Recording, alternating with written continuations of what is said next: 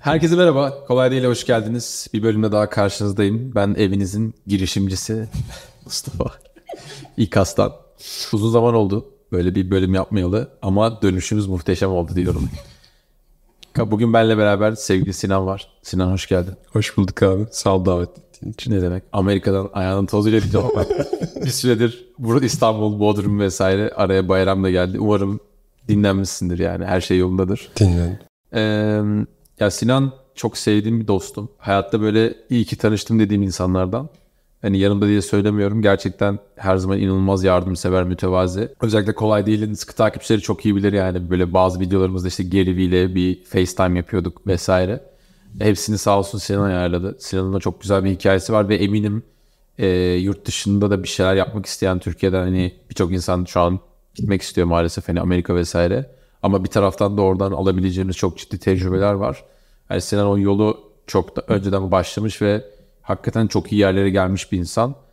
Ee, biz de Miami'de Özge ile ki burada şu an e, sağ olsun böyle bir arka kapılardan çok önemli bir etkinliğe al, almıştı. Böyle çok çok bize faydaları oldu. Şimdiden şeyi söyleyelim. E, biraz İngilizce terimler kullanacağız. Sonra liş, lişlemeyin bize. Ama bizim farkımız abi biz her bir İngilizce kelimenin yani videoya yazıyoruz yani Türkçesinde sonrasında an, anlaşılır olması adına. Onu da verdikten sonra Sinan sana bırakıyorum. Çok kısa abi ne yapıyordun, nerede okudun Türkiye'de, Amerika'ya nasıl gittiğinden sen bir söyle oradan geri bir tarafına bağlayalım. Anladım. Çok sağ ol. Çok güzel açıkladın. Annemden iyi ki mesajı almışsın. Güzel yazmış sana. ee, ben doğma büyüme İstanbulluyum şimdi. Orada Bodrum'a gittiğimde insanlar pek inanmadı konuştuğum Türkçeden ama açıda, açıda okudum Açı Lisesi'nde. Ondan evvel de açıdaydım 12 sene. Onlarla yaşadım. Sonra Amerika'ya basketbol oynamaya gittim Ohio'ya. Özge'nin en sevdiği yer. Ondan sonra ayağımı orada Division 1'de basketbol oynama tryoutlarında ayak bileğimi kırıp e, hayallerim mahvolduktan sonra böyle bir depresif hale girdim. Dolayısıyla sen de hani basketbolcu olmayı isteyen iki kişi olarak anlayabileceğim bir şey. Özge çok iyi basketçidir. Özge bu arada bizim Özge Öz e, bilenler bilir zaten açıklamaya gerek yok. Arada laflar atacağız bilginiz olsun. O depresif halimin işte şeyiyle kitaplar okumaya başladım. Madem hani hayalimi gerçekleştiremiyorum falan o sırada Geri ile tanıştım. Yani Geri'nin kitabını okumaya başladım. Çok hoşuma gitti. İşte senin gibi dinlemeye de başladım. Yani eski dinleyenlerden olarak. Sonra Ohio'da pek bir gelecek olmadığını anladığımda Boston'a transfer oldum. Boston'da da bir gün Babson'da Gary'nin bir konuşması vardı. Oraya geldim ve tanıştım işte bir selfie çektim. Ondan sonra dedim ben seninle çalışmak istiyorum. Hatta Daily V 22 izleyenler bulabilirler böyle 13. dakikada Koyarız falan filan. İlk soruyu ben soruyorum hatta işte orada. 2016 senesinde. Ondan sonra işte her gün e-mail atmaya başladım ben geriye. 2016 Mart mı ne o, o civarda bir şey. Kendime böyle telefonuma bir hatırlatma koydum. Her gün bir defa e-mail atıyordum. Hey Gary bilmem ne işte benimle senin resmin seninle çok çalışmak istiyorum. 180 küsur e-mail attım adama yani yaklaşık bir sene boyunca. Hiçbir cevap alamadım. Ondan sonra ama bırakmadım yani ben kararlıydım Amerika'da kalmak için. Türkiye'de pek dönmek istemiyordum o zamanlarda. 180 küsuruncu da cevap verdi bana işte tamam ne yapmak istiyorsun falan diye. O zamanki takımının Team Gary Vee'nin yani Gary'nin içeriğini üreten takımın başındaki Andy'ye bana e-mailde dedi işte bu çocukla konuş bakalım ne yapabiliyor falan filan. Ben işte video edit etmeyi öğrendim. Hiçbir şey bilmezken business okurken hayatımda video edit etmemişken. Onlar için böyle bedavaya 6 ay çalıştım son senemin son aylarında. Arkadaşlarım iş alıyor, işte işe giriyorlar, internship'e giriyorlar falan filan. Ben hala patates gibi bekliyorum orada. Boston'da. Ne o geriden cevap gelecek. Ondan sonra gelmedi falan filan. Neyse Andy bana dedi ki tamam sen iyisin geriyle buluşabilirsin dedi. Ama bu artık hani iki seneye yakın bir süreç. Kimse böyle sabretmez bu arada. İnanılmaz bu. Neyse işte sabrettim ettim ettim. Amerika'da çalıştıktan sonra yani üniversiten bittikten sonra 90 günlük bir sürecim var. OPT denilen bir süreç. O zaman da iş bulamazsan postalanıp ülkene yollanıyorsun. Ben işte 55. gün yani böyle 20 gün kala filan Geri'nin asistanına mesaj attım. Ona da yani 20-25 tane mesajdan sonra dedim yani beni ülkeme yollayacaklar. Geri bana söz vermişti lütfen alın diye. İşte benim doğum günümden 24 Temmuz'da aldı beni. 20, 2017 Hat- öyle bir şey. Dedi ne yapmak istiyorsun? Dedim ben senin için çalışmak istiyorum. Bedavaya çalışırım. Her şeyi yaparım. Ama VaynerMedia'da beni yanına al dedim. Yani ben takımında çalışayım. Hani sana ne kadar yakın olabilirsem o kadar yakın olayım. Ee, Bunun da sebebine zaten sonra girersen demin Özge'nin bahsettiği. Ben seni burada alamam dedi. VaynerMedia küçüktü o zaman. Yaklaşık yani VaynerMedia'yı bilmeyenler internetten şimdi benim anlatmam biraz saçma olur. Açıp bakabilirler. Amerika'daki yani private en büyük reklam ajansı şu an e, VaynerMedia. Kaç kişi çalışıyor şu an? Şu an dünyada 1800 kişi falan çalışıyor. Ben girdiğimde 300 küsür kişiydi. Dedi hani benim takımda para yani sana bir salary veremem dedi. E, Bedava insan çalıştırmak da legal değil. E, Dolayısıyla sen benim babamın şarap şirketinde New Jersey'de çalışabilirsin ya da bekleyebilirsin dedi. Benim de bekleyecek bir zamanım yoktu. Aynen. Ben de Chelsea'de yaşıyordum o zamanlar kuzenimle Tunç'la. Chelsea'den bir buçuk saat New Jersey'ye gidiyordum sabah 6'da yerde yaşıyor musun? sayesinde kuzenimin. Ondan sonra orada 12 saat çalışıp yer silip şarap taşıyıp işte tozları alıp 12 saat e, çalıştıktan sonra bir buçuk saat geri dönüyordum. Yani sabah 5'te başlıyordu günüm akşam 10'da bitiyordu. Haftada 6 gün bazen 7 gün. E, Öyle bir sene şarap taşıdım. Babası Saşa mıydı ismi? Saşa. Saşa'nın yanında çalışıyordu. Evet, Saşa'nın yanında Saşa çalıştım. geliyor muydu? Tabii tabii. Şeker bir herif. Çok, çok tatlı bir adam. Gıcık birine benziyordu şu an. Hani. Yani Sovyet Sovyet babası. Dışarıdan çok sert duruyor da çok şeker bir herif aslında. Ondan sonra bir sene sonra dolduğu vakit yeni bir vizeye başvurmak lazım. O zaman da Geri'nin bana sözü vardı yani bir sene çalışırsan burada ben seni VaynerMedia'ya alacağım diye. O bir sene bitti. Ee, sağ olsun sözünü tuttu. VaynerMedia'ya aldı beni. Ee, iki sene onun kendi içerik takımında çalıştım. Yani Geri'nin yani herkesin izleyebileceği Facebook, Instagram yani bütün platformlarının içeriğini üreten kişi değildim ama hani manage eden kişiydim, yöneten kişiydim. Tam ne yapıyordun orada? Yani birileri çekiyor içeriği ya da sen şunları çekin mi diyordun? Ne oluyordu? Yani şu- bizim aslında şeyimiz yani Gary Vee Content Model dediğimiz insanlar hani Google'dan yazıp bakabilirler. 186 sayfalık bir deck hazırlamıştık bedava. Yani aslında yaptı, senin yaptığın bu işi bedava nasıl yapıldığını anlatan bir deck. Yani herkes öğrenebilir. Geri o zamanlar çok keynote'lara gidiyordu. Yani konuşmalar veriyordu. Bir saat, bir buçuk saat senin gibi. Biz onu bir buçuk saat konuşmayı nasıl 250 farklı klibe bölebiliriz'i yapıyordu. Yani Konuşma. Her cümlesi bir klip ya olur yani. Aynen. Zaten o konuşma benim işim o konuşmayı alıp timestamplayıp yani işte mesela birinci dakika 31. saniye ile ikinci dakika 51. saniye arası iyi bir klip mesela. Tamam bu klip ne? Title'ın yani başlığı ne olabilir? Ve ondan sonra Instagram'da nasıl yani her sonuçta platformun kendine yönelik e, farklılıkları var. Biz buna contextual creative diyoruz. Yani senin Instagram'a koyduğun şeyi alıp lock diye TikTok'a koyamazsın. Yani aradaki LinkedIn'e koyamazsın. Ya da LinkedIn'e, Twitter'a koyamazsın. formatıdır, şey yapman gerekiyor falan. o nüansları ben takıma diyordum ki mesela şunu şöyle editleyelim, bunu böyle yapalım. Mesela şunun caption'ını şu renk yapalım falan. Valla aşırı kritik bu arada. Senin lafını balla böleyim. Bizim içerik üretmemiz kolay değil de Gary Vee sayesindedir. O deki okumadım bu arada. Tamamen şey. Sen izlediğin için biliyorsun. izleyip "Hmm, evet ya bu content işi çok kritik bir iş deyip işe atladığımız bir şey ama ben şu anda da bizim yıllardır bu arada bizim videolar veya işte o kliplerle ilgili ufak tefek bizim ekiple konuşmuşluğum yok. Yani ben o kadar hands-on ikaslılayım ki yani birileri bir şeyler yapıyor paylaşıyorlar benim hiçbir zaman haberim bile olmuyor. İnsanlar böyle olduğunu düşünmüyordur büyük ihtimalle. İnsanlar şey düşünüyordur. İşte benim videolarımın her birini benim işte Instagram'dan 30 saniyelik paylaşılan bir şeyi benim kesin check edip kontrol edip falan böyle bunu paylaşalım dediğimi düşünüyorlar ama hiçbir zaman haberim olmuyor yani. Paylaşıyorlar abi bunu mu paylaştınız dedim ben de. Hatta bazen "Ulan çok kötüymüş bu içerik kan da oldu oluyor. Sadece yani hatırladığım son iki senede bir defa bir videonun içinde timestampleri verdim. E bizim Enes'e. E bu işin ne kadar kritik olduğunu anlatmak için söylüyorum. Bizim bir videonun içinde e, işte şey video şeyi vardı. Ya hayır konuş ya sus bölümü vardı. Ki herhalde totalde 10 milyon izlenmiştir. Dedim ki bu timestampleri al bana videoyu yolla paylaşalım ve görün dedim. Ve paylaştığımız gibi abi şey uçtu yani. Ee, ben hala da biliyorum bu arada ne söylesem veya hangi timestampleri yapsak uçururuz ama hani öyle bir derdim yok. O yüzden uğraşmıyorum. Ama senin yaptığın işin ne kadar önemli olduğunu anlatmak için bir örneği verdim. O yüzden muazzam bir iş yapıyor. Eyvallah.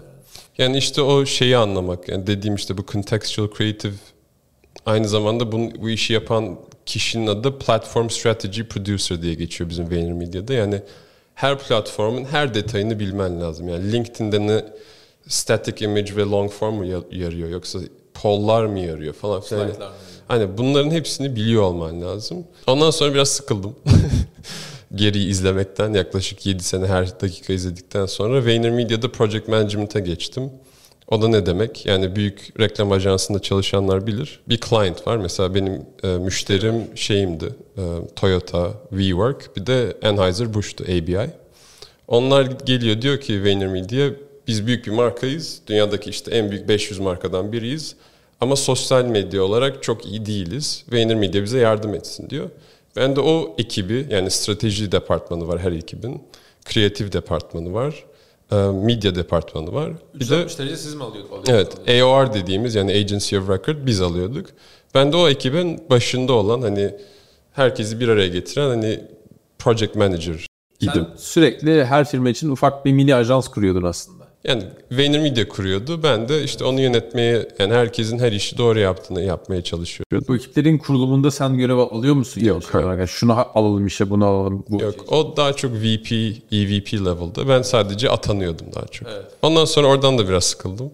ee, oradan çıktım. Geri'nin bir medya şirketi var. 137 PM diye. Orada Head of Operations oldum. Operasyonun başına geçtim. 40... Onun farkı o ne yapıyor abi? O şöyle düşün hani GQ ile Barstool gibi e, sadece içerik üreten e, hani nasıl bir magazine bakıyoruz Aa işte GQ'da şu çıkmış Kerem Bürsin çıkmış şu falan filan onun sadece dijital olanı. Ben de onun e, başındaki yani operasyonun başındaki insan bir general manager vardı ona report ediyordum. 40 kişilik bir takım var. İnan neticede içerik üretiyorduk. Onun operasyonlarının başına geçtim. Oradan da sıkıldım. bir sene çalıştıktan sonra şimdi Geri'nin VFriends şirketinde çalışıyorum. E, ticaretin başında. Şey, gençlere örnek kötü örnek oluyorsun. Oradan sıkıldım. Ama aslında kö- kötü örnek değil çünkü tam tersi yani. Geri bize hep şey yani hakkını vermek lazım. Bana hep şeyi söylerdi yani bak sıkıldı yani bir işe girdiğin vakit yani bu illa Vayner'da olmak da zorunda değil. Onun yan, orada olmak istemediğini anladığın anda çıkman lazım. Yani 5 ay, 6 ay boşu boşuna yalandan iş yapma sakın ha derdi. Çünkü biliyor ki benim senin söylediğin gibi demin konuşurken efficiency'm çok düşecek. Onun yerine gel bana de ki yani ben sıkıldım bana başka bir yer var ve her her gefer, her defasında gittiğimde sıkıldım mı tamam başka bir yere git dedi. Yani bunu illa hani ben söylüyorum diye değil. Şey de var yani Amerika'da böyle bir şey de var. Aa ben yeni bir işe girdim. iki ay oldu ama aslında kalmak istemiyorum ve insanlar hani senelerce o işlerde kalıyor.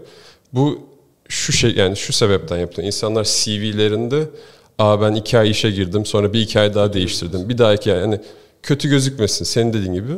Ama gerçekten bu arada şimdi düşünüyorum.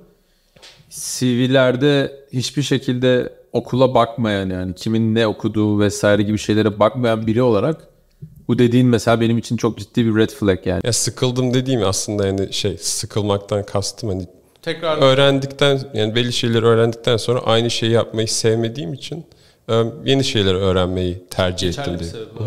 Çok Ve geri de her zaman bana, benim arkamda oldu. Yani buradan hani insanların eğer yani değer vermek, bir değer katmak amacımızsa hani ben hep demin de söyledim sana. Ben aslında patronumu seçtim. Yani işime girerken. Biliyordum ki geri iyi insana değer veriyor. İyi konuşan, insanlara iyi hizmet etmek dışında iyi davranan, nazik insanlara değer veriyor. Ben de Boston'da üniversiteye gittiğim vakit etrafında MIT var, Harvard var, Boston College var, Boston University var. Yani dünyadaki en zeki herif olmadığımı çok çabukça anladım zaten. ama annem babam sağ olsun ben herkes her zaman nazik davranmayı öğrenmiş bir insanım. Gerinin bir klibinde şey diyordu yani ben çok zeki birisini işe alacağım ama nazik birisini işe alırım işini yapan. Benim yanımda sonsuza kadar çalışır. Ne yarsa ne yaparsa yapsın. Yani ben dedim ki yani ben hep nazik olabilirim. Hep iyi işimi çok iyi yapabilirim. Çok çalışabilirim. Basketboldan gelen disiplinimizle. Ama en zeki hiçbir zaman olamayacağım. O yüzden hani senin dediğin sabır yani Amerika'da kalmak istiyorsam o yüzden o North Star dediğimiz yani o ışığı kendime seçmiştim. İnsanlara da tavsiyem hani tavsiye vermek gerekiyorsa. Yok verebilirsin abi. Yani patronu patronu seçmek ya da kültürü seçmek hani eminim Türkiye'de yüzlerce insan İKAS'ta çalışmak istiyordur senin sayende. Kültüründen, dediklerinden, duruşundan. Yani aslında Google'a gitmek aa evet çok havalı falan ama Google'da binlerce kişiden birisin ya da atıyorum İş Bankası'nda uyduruyorum. Ama İKAS'a geldiğinde Mustafa'nın söylediklerine inanıyorsan ya da Geri'nin söylediklerine inanıyorsan o seni zaten orada yuvada tutuyor. Yani benim seçtiğim oydu. Bence bu doğru diye de anlatmıyorum zaten. Ama benim vizyonum buydu yani şey, işe Yaşamana gerek yok. Yani işte dedin ya ben dediğim diye ya da ben tavsiye gibi Hı. şey. Ee, çok haklı olduğunu düşünüyorum. Ee, bence o takım ruhu ve bir işte nazik olmak, işte bir ekip kültürü, olayın sadece işte o para böyle kapitalist iş güç falan ki bu da söylerken biraz çelişki oluyor yani startup dünyasında yatırımlar onlar falan içinde hani e, kapitalizmine kölesi olmayalım demek biraz şey, belki şey oluyor ama e, bence her şeyden daha değerli o takım olayı. Bir de benim hiç sevmediğim konulardan bir tanesi deminki tavsiye muhabbetinde bu sosyal medyada belki hani Gary Vee'de de sen yorumları modere ede, yani okurken ya da şeylerde düşünceni söylediğinde tecrübeni paylaştığında işte anlatıyorsun şu an. Bence işte şunu yap şöyle yapın dediğinde e, böyle bir insanlar seni sen kimsin ki böyle bir şey söylüyorsun diye bir yargılıyor ya. Abi sen kimseye aslında onu dayatmıyorsun yani bu ben tavsiye ettim ve bunu uygulayacaksın demiyorsun. Düşünceni söylüyorsun ister alır ister almaz. O yüzden de yani lütfen hiç çekinmeden söyle bu anlattıklarım bence e, hani benim işime yarıyor diye de değil yani. Gerçekten çok önemli. İnsanlar bunu ıskalıyor. İnsanlar böyle belirli kalıpların içinde yetiştiği için işte onlar için mesela Google dediğin gibi çok böyle inanılmaz bir şey gibi geliyor. E, hatta bir Google'da benim çok senior arkadaşlarım var. Yani geçen gittim Londra'da yanında. Ya adam söylüyor ya bizim ofiste diyor yani doğru düzgün iş yapan yok diyor yani. Hı hı. Hatta diyor e, hiç iş yapmadan böyle bir sene çalışıp fark edilince kovdukları gönderdikleri var diyor. Yani hı hı. o o kadar büyük bir organizasyon. E, kaynıyor yani işler. Yöneticileri yönetmek için yöneticiler alınıyor falan böyle gibi şeyler oluyor. İşi yapan belki çok az kişi gün sonunda ama orada kimse olmamak mı? Ama işte bunu da ben şey şunda da görüyorum. Yine Google örneğinde için verdiğim için söylüyorum ve çok havalı şirketlerin güya yüksek yani önemli büyük rollerdeki insanların e, birçok küçük startup'taki böyle o sürekli hustle yani kendi kendine o derdi çözen insanlardan böyle yarısı bile olamadığını görüyorum yani şey olarak. Tecrübe, bilgi vesaire. O yüzden böyle doğru bir kültürü seçmek ve sabırla yapmak. Ben senin gibi insan bilmiyorum hani etrafımda hatırlamıyorum. Böyle bir hikaye yazmak için işte o Wine Library'de gidip bir yıl koli şey taşıyacak e, koli taşıyacak insan çok az hatırlamıyorum açıkçası. O yüzden inanılmaz bir şey yapmışsın. Eyvallah. Senin dediğine değineceğim. O, hatta geçen yemekte de konuşuyorduk Özge'yle. Yani bize Türkiye'de yani başka ülkelerde de böyledir belki ben Türk olduğum için Türkiye biliyorum.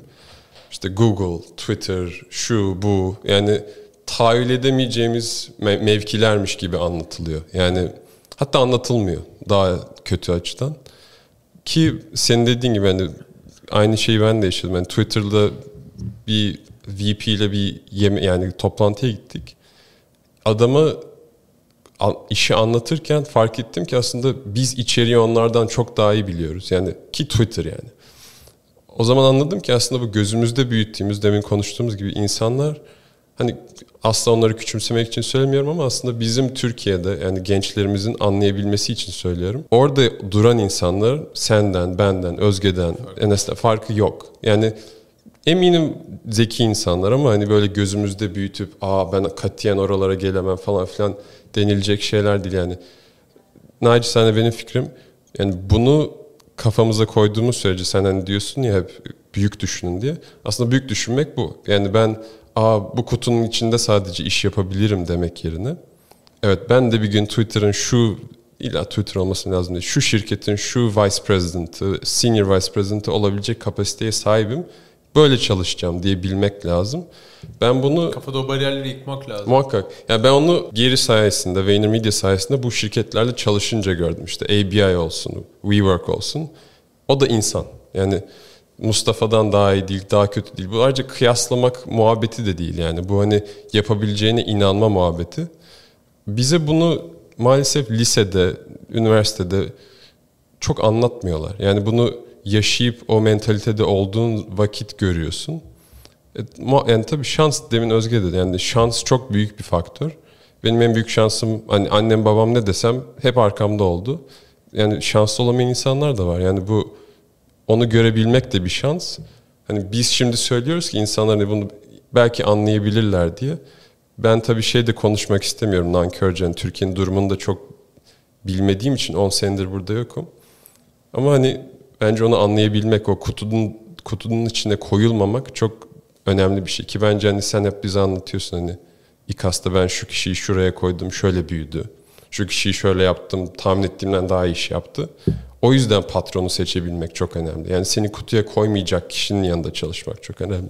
Ben yani e, açık yani burada tabii belirli bir yaşın üstü alınmasın ama e, hani ne varsa gençlerde var denen lafı ben İKAS'ta açıkçası şeyi görüyorum. Çok daha tecrübeli ama o içinde o alev olmayan bir insan yerine e, çok daha az tecrübeli ama yani her gün o beraber bizim yolumuzla o davayla uyanıp onunla uyuyacak insanlar çok daha inanılmaz farklar yaratıyor. Yani dün biz e, bizim işte satış Insight Sales'in başında Ezgi var. E, aynı binadayız. E, dün ben işte 11.45'te salondan çıktım basketten. E, eve gideceğim yani duş alıp yatacağım. Ezgi işte bir işte konuşalım falan dedik konuştuk. Ya dedi yüz yüze konuşalım falan filan. Bildiğin hani Allah'tan aynı binadayız. Hemen çıktım üst kata. E, bildiğin böyle işte bir yarıma kadar da falan işte Ezgi ile Ömercan'la dün gece işte 11.45 12.30 arasında 45 dakika toplantı yaptık yani. Şöyle mi yapsak böyle mi yapsak. Ee, inanılmaz bir şey yani. Ondan geliyor bu arada talep yani şöyle yapalım böyle yapalım. Şimdi o alev yani o şey gerçekten o motivasyon olmadıktan sonra en tecrübeli insan olsun, en zekisi olsun. Ee, eğer hayatta sadece en zekiler hani bunu ben geçen Twitter'da da yazmıştım. Eğer en zekiler gerçekten en böyle zenginler onlar bunlar başarılı olsaydı zaten e, çok ufak bir bölümü toplumun sürekli hiç kimse çıkmazdı yani. Hiçbir zaman şey hikayeleri göremezdik. E, böyle yokluktan gelip şunları başarmış. Öyle değil yani. Hele şu an için topluma çok daha da fazla fırsat var. Demin konuştuğumuz bir konu abi. Türkiye yani. Türkiye'de startuplar da dahil buna profesyonel yaşam da dahil yani birçok kurumsal şirketler de dahil. Her şeye rağmen yani birçok yerde senin önün tıkanabilir, ayağın kaydırılabilir falan filan. Ama her şeye rağmen e, fark yaratan insan sayısı çok az Türkiye'de. Çok çok az yani o kadar hızlı parlıyorlar ki bulundukları ortamda onlar çok hızlı ilerliyor hayatlarında. Mesela Amerika böyle değil. Sen çok daha iyi anlatabilirsin. Amerika böyle değil abi. Amerika'da o aynı ortamda öyle bir Çinliler var ki fark yaratan ne bileyim işte herkes orada anladın mı? Herkes orada toplanıyor. Yani Amerika'nın kendisi zaten yani ortalama bir Amerikalı bile zaten kendi çok daha kompetitif büyüyor hayatında. Her şey olarak, mentalite olarak. Bizim gibi dertleri olmadığı için çoğu zaman o böyle şey yani farklı bakıyor. Biz daha işte temel geçim dertleri acaba işte şöyle böyle dertlerimiz oluyor. Ee, o yüzden Amerika'da belki fark yaratmak o kadar kolay olmayabilir ki orada bile var. Hani bir şekilde. Sonuçta abi e, senin yani Geriv'in etrafında da e, tek Türk sensin yani. Bir fark yaratmışsın ki öyle olmuş. Burada bence izleyenler şeyi sorgulamalı. Kaç kişi işte o bir sene o yolu gidip gelirdi ve işte ben Geriv'in ekibinde çalışacağım hayaliyle gidip o işte e, şarap şeyinde işte dükkanında çalışmayı beklerdi veya diğer süreçti bu arada şu anki konumunda bir günde gelmedin yani. o fedakarlık zihniyetine insanların sahip olması lazım. Biz hala her gün o fedakarlık modundayız. Yani bir şey olduğunda ilk biz atlıyoruz yani ilk hastada. Sıkıntı yok abi biz para kazanmayız gerekirse. Şahıs olarak söylüyorum. Yeter ki iş devam etsin. O kafada olmak lazım. Okey. Selahat'cığım çok sağ ol valla. Hikaye inanılmaz keyifliydi. Ee, böyle sen anlatırken ben yaşıyor gibi oldum. bir ilham doğdum yani. Birçok da kendi hikayemi bana çağrıştırdı. Ee, bundan sonrasıyla ilgili ne planlıyorsun? Çok kısa. Senin nerede mesela bu videoyu 5 sene sonra geri dönüp izlediğimizde O 5 sene sonrasında nasıl bir mesaj vermek istiyorsun ve ne olmak istiyorsun, ne yapmak istiyorsun?